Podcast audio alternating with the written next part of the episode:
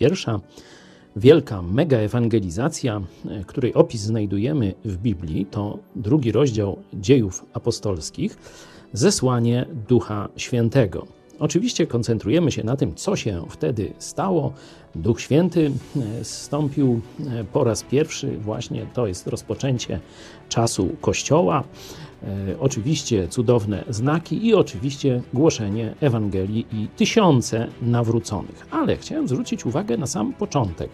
A gdy nadszedł Dzień Zielonych Świąt, Bóg wybrał pewien określony dzień i to nieprzypadkowy. To był dzień wielkiego dla Żydów religijnego święta. Co to oznacza? Oznacza to, że w jednym miejscu będą dziesiątki, może i więcej, e, dziesiątki tysięcy, a może i ponad 100 tysięcy e, ludzi, e, że będzie łatwo w związku z tym, mając tamtejsze metody, do nich dotrzeć, nie? czyli ten element mega, masowej, masowego docierania. To było w zamyśle Boga. No ale jest też drugi czynnik. Jeśli Żydzi zjeżdżają się na religijne święto, by uczcić Boga, by odwiedzić świątynię, by jakieś inne czynności religijne odbyć, no to możemy e, domyślać się, że spora część z nich e, będzie myślała w kategoriach właśnie relacji z Bogiem, będzie analizowała swoje życie duchowe, będzie zastanawiała się, czy podobają się Bogu, co Bóg myśli o nich,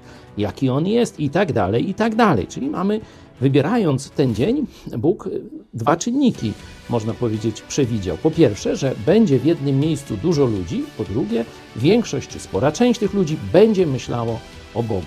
No i tu oczywiście przez analogię mamy dwa takie wielkie chrystocentryczne święta, czyli Wigilia, Boże Narodzenie i Wielkanoc. Tu bardzo no, świetną, świetnie oceniam akcję Mikołaja Rykowskiego z Fundacji wolne miejsce, że właśnie w tym czasie postanawia Polakom pokazać zarówno w czynach chrześcijańską miłość, jak i głosić wtedy Ewangelię na wielką skalę.